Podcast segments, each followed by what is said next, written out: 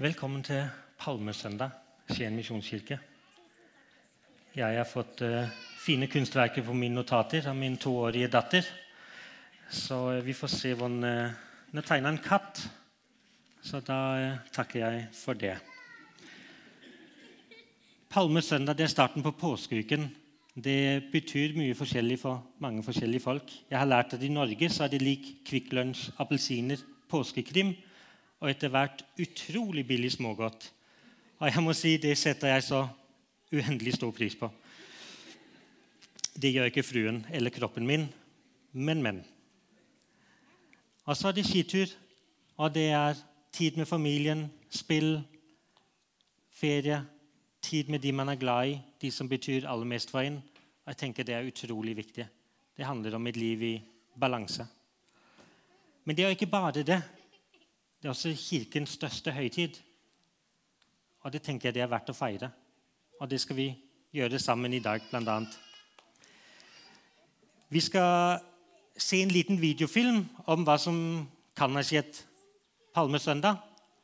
Vi skal høre en liten historie med en annen vinkling om hva som kunne ha skjedd den dagen, om en liten gutt. Og så skal jeg snakke litt om hva palmesøndag kan bety for oss i dag. Men aller først så en liten videosnutt.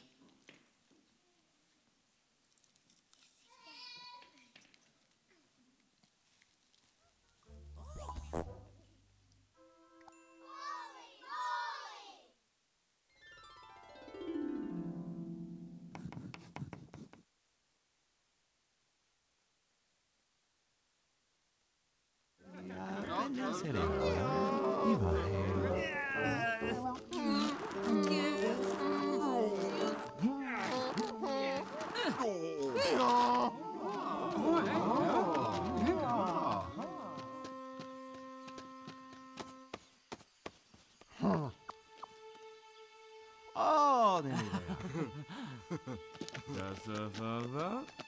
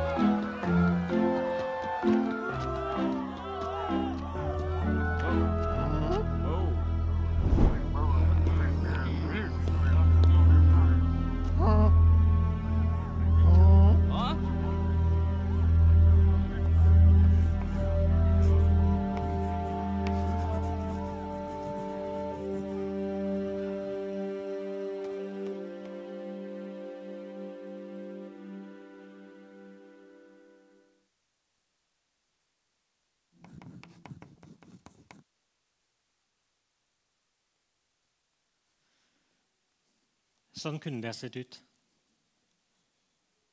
Fortell en liten historie om en gutt som heter Josef.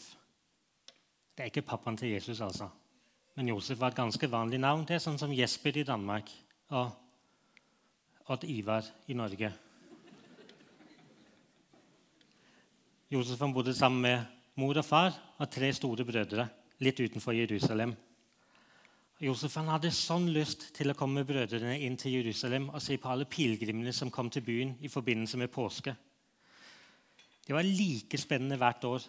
De tre brødrene kom tilbake med fortellinger om utrolige mennesker, merkelige klær og enda mer rare dyr. Josef elsket dyr. Han hadde selv et lite esel han hadde fått av sin far. Den var veldig svak og liten når den ble født, så ingen trodde den ville overleve.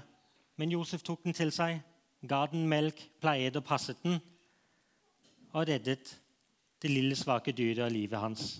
Josefs far pleide å si at det var nok en grunn til at det lille esel berget livet, så Josef fikk lov å beholde det. Nå nærmet påsken seg igjen. Josef tryglet faren om å få lov å være med brødrene inn til Jerusalem, men faren sa nei. Han var for liten. Det var så mange folk der, og de romerske soldatene de var alltid litt ekstra hardhendte når det var høytid. Josefs land, Israel, var besatt av et annet land. De folket som var der, het romerne, og de bestemte i landet. Det var romerne, og de hersket over hele verden, sa Josefs far. Men en dag skulle det komme en jødisk konge og sette Israel fri. Det visste Josef. Den historien kjente alle. Den historien om den kongen Gud skulle sende for å sende romerne ut av landet, befri Israel. Josef var sikker på at Gud kunne gjøre det og ville gjøre det. For han har gjort det en gang før, den gang israelittene var slaver i Egypt. Og Det var akkurat det de skulle feire nå i påsken, at Gud hadde befridd folket sitt. Denne påsken det var nok ganske særlig, for nå gikk det rykter. Det var noen som snakket om at denne nye kongen, Messias, at han var kommet. Han het Jesus, var fra Nasaret. Tenk om Josef kunne få lov å se ham. Men det var ikke noe å gjøre. Far hadde sagt nei. Han fikk ikke lov. Påsken kom. Brødrene dro av gårde til Jerusalem. Josef var skuffet. Han var lei seg. Han gikk til eselet sitt. Ingen hadde ridd på han før. Han sto med mammaen sin for å være trygg. Plutselig kom det to menn gående. Josef kjente de ikke. De nærmet seg Josef og eselet. Mennene tok tak i eselet og mammaen. Josef skjønte ikke hva som foregikk. Han sa, men 'Det er jo mitt esel. Hva gjør dere?' De to mennene kikket på han og sa, 'Mesteren trenger det.' Og Med en gang skjønte Josef hvem denne mesteren var. Dette var jo han Jesus, han kongen som skulle komme.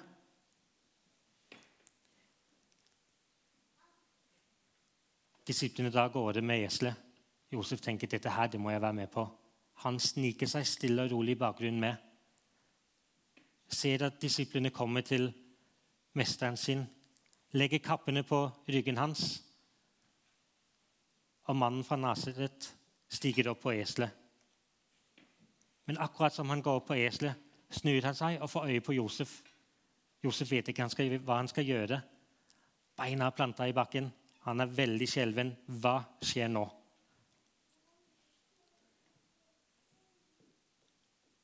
Josef ser på Jesus, møter øynene hans, ser et smil og ser bare kjærlighet og fred i de vakre øynene. Josef smiler og vinker. Han kan ikke høre hva Jesus sier, men han kjenner det i sitt hjerte og ser hans munn forme ordet shalom. Det betyr fred. Jesus og disiplene går mot byen. Josef, Josef løper hjem uten sitt esel, med en opplevelse som han vet han aldri glemmer. Han har fått møtt Messias. Vi kan alle få lov å oppleve det Josef opplevde. Kanskje så har vi ikke et esel. Eller er det noen som har et esel, forresten? Er det det? Jeg vet familien Hageberg har hester, men det er jo noe annet. Er det noen andre som har noen dyr? Ja. Matilda, hva slags dyr har du? En katt? Ja. Er det noen andre som har andre dyr? Ja, Hva slags dyr har dere? En hund? Ja vel, jeg vet Martin har en papegøye. Ja. Kanskje litt vanskelig for Jesus å ri på den, men vel, vel. Et dyr, tross alt. Og så er det jo sånn, Vi kan ikke få lov vi, ikke noe, vi, kan, vi kan ikke gi det direkte til Jesus, for han er ikke her i dag som han var den gangen. Men Jesus sa til disiplene at det dere gjør mot en av mine minste, altså alle de som er rundt oss, de som er fysisk små, kanskje de som føler seg små fordi de er svake, andre får de til å føle seg små. Alt vi gjør mot de, det er akkurat som vi skulle gjort det mot Jesus. Og Gud har alle gitt oss gaver vi kan gi tilbake til han. Noen er utrolig flinke til å skape noe med hendene sine. Tegne og snekre. Noen er flinke med ord og kan skape utrolige historier og vakre sanger. Noen er flinke på å synge de sangene. Noen er flinke på å løpe fort. Noen er flinke til å gå på ski. Noen er flinke til å danse. Alle har vi noen evner som vi kan bruke til Jesus og gi til Jesus. Og noen er flinke på å være en god venn.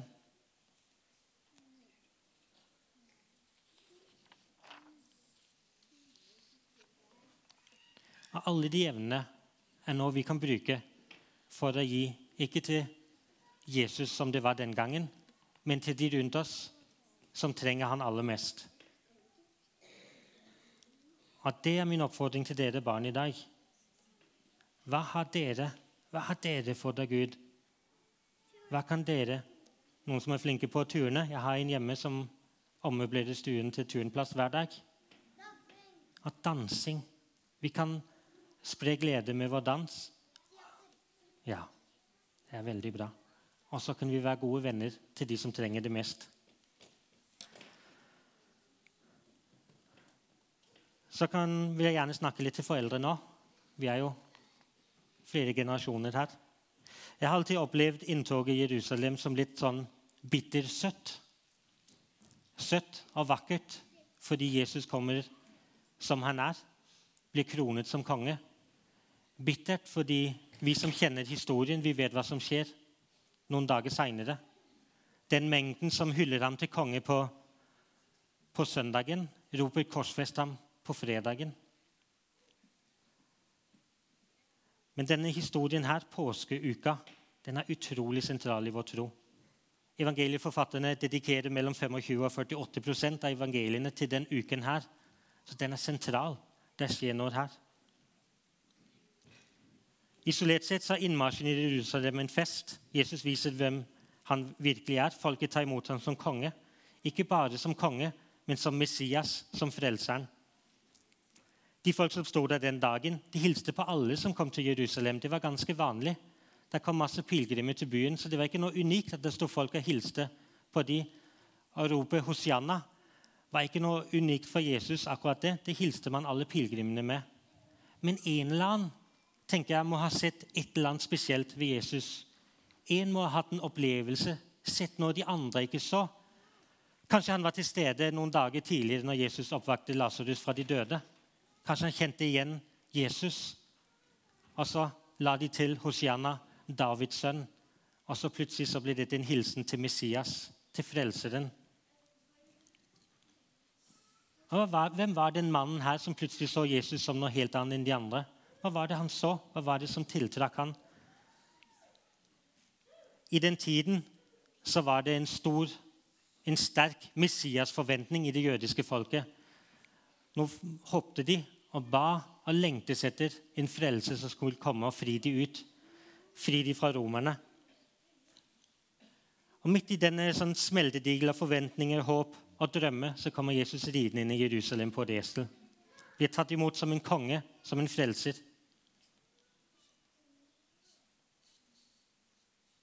Og så er det det blir litt ambivalent. For vi kjenner jo historien. Vi vet hva som skjer. Hva er det som gjør at bare noen dager seinere så har folket ombestemt seg? Så vil de ikke lenger ha det, han som konge. Kanskje det var skuffelse? Jødene hadde kanskje forventet en Braveheart-lignende konge. Eller en Trump, Trump, Donald Trump-lignende president som skulle make Israel great again. Som skulle samle troppene og kaste ut romerne. Vi kan noen ganger oppleve det i vårt eget liv. At vi forventer at Jesus skal være på en bestemt måte, tale på en bestemt måte eller se ut på en bestemt måte. Og Hva er det som kan være med å prege disse bildene? Hva er det som kan være med å skape disse gudbildene eller ideer om hvem Jesus er i våre liv? Og det er noen ting som jeg, som jeg har tenkt på, som kan være det. Jeg tenker Vi kan ikke være, si oss fri fra å være preget av vår kultur. Jødene levde i en Messias forventning, en forventning om at det vi opplever her og nå, det er det Jesus vil fri oss ut fra. Fra undertrykkelse fra romerne. De visste Messias skulle komme, men selv om Jesus kommer ridende inn på et esel, som jo den gangen symboliserte fred, det var det kongene ridde på i fredstid. Jesus kom altså ikke som en, som en krigskonge, men som en fredsfyrste. Selv når de ser ham som han er, er de så fanget i deres egen forventning om en krigskonge at de blir skuffet når Jesus viser hvem han virkelig er. Hva er det, som, eh, hva er det i vår kultur som kan være med å prege det bildet vi har av Jesus? Hva er det som kan farge den forventningen vi har av Gud? Det er vel mange ting. Ja, noen ting jeg tenker på. Vi er veldig opptatt av suksess og vellykkethet i vår kultur. Og så ofte definerer vi det utrolig snevert. Det handler om å være vakker og ha masse penger.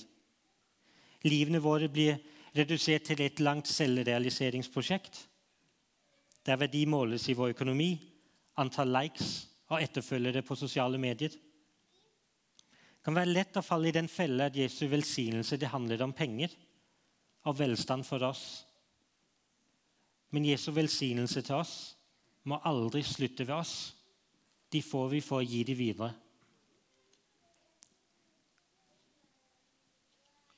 Så er det kanskje viktigere enn noen gang å fremheve Jesus som den lidende tjener. Vi lever i en kultur som ikke verdsetter smerte. Vi er, nå kan vi si nei takk til smerte hvis vi vil. Vi kan enten la oss underholde så den forsvinner, eller vi kan medisinere den bort. Smerte trenger ikke å være en del i vårt liv lenger. Og jeg tenker Vi som menighet har et ansvar å holde frem Kristus som den lidende tjener.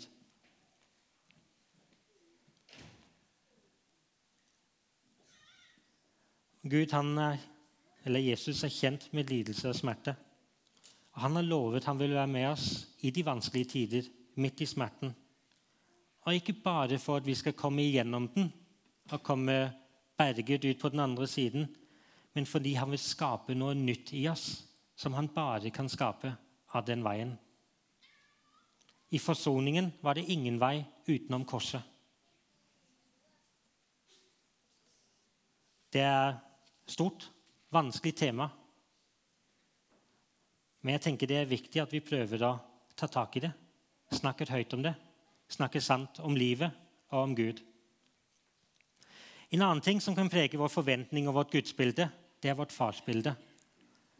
Jeg har alltid jeg, Som sikkert mange av dere har hørt at Gud er en kjærlig far når jeg vokste opp. mange ganger. Det var veldig rart for meg å høre. Jeg har vokst opp Mine foreldre ble skilt når jeg var ganske liten, så har jeg aldri kjent min far.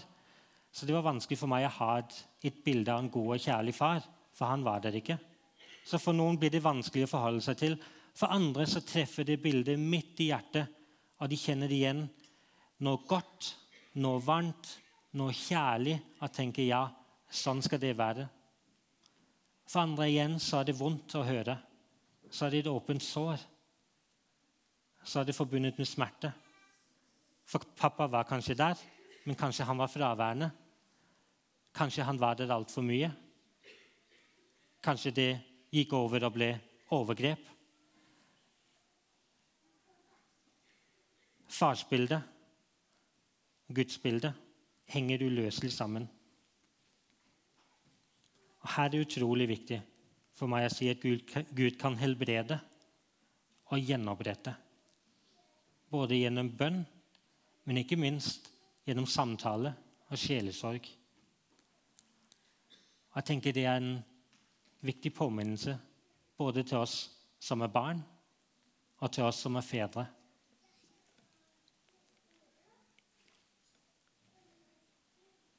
Linda pleier å si i forbindelse med levende trossammenhenger at våre foreldres påvirkning på vårt liv dør ikke med de, men den dør med oss. Dette er noe vi tar med hele livet igjennom. Eller imellom, som man sier i Grenland. Det siste ting jeg vil nevne, det blitt aktualisert den siste tiden gjennom eh, VGTV sin serie 'Frelst'. Jeg vet ikke hvor mange som har sett den, fulgt med i debatten som har gått. Noe av det som virkelig kan prege vårt gudsbilde, det er de lederne vi har hatt, de sammenhengene vi har gått i, der vi har hørt om Jesus, kanskje i særdeleshet som barn og unge. Her er det mye å reflektere over for oss som står med ansvar for barn og unge. Hva er det, hvilket gudsbilde sitter tilhørende igjen med når jeg er ferdig? Peker jeg med mine ord, mine handlinger, mine forventninger på en kjærlig Gud?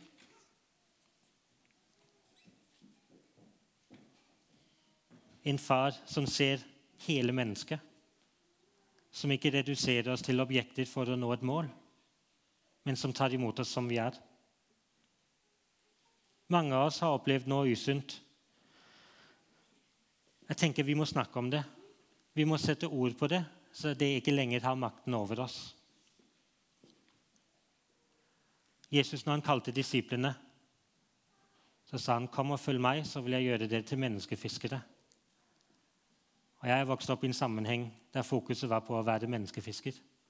At det var det viktigste. Det tok lang tid før jeg lærte at det første og det viktigste kallet, det er 'kom og følg meg'. Det første kallet er til fellesskap. Det første kallet er til en relasjon med Jesus. Og ut fra den relasjonen, ja, der kommer det et ønske og en lengsel om å gjøre noe for han òg. Men det første og det største kallet er til en relasjon. Hva ser vi? Hvem ser vi når Jesus kommer ridende på eselet i dag, palmesøndag? Min bønn er at vi må få lov å se ham som han er. Og det er vanskelig. Men få lov å se inn i øynene fulle av kjærlighet og fred. At vi må se en Gud som kommer oss i møte. Som omfavner vår menneskelighet i så høy grad at han blir menneske selv for oss. Og at vi sammen med han må få lov å oppleve at han fjerner de bildene som ikke stemmer. Helbreder de sår som feilaktige gudsbilder gir. Og setter oss fri til å tilgi og se han på nytt som han er. Amen.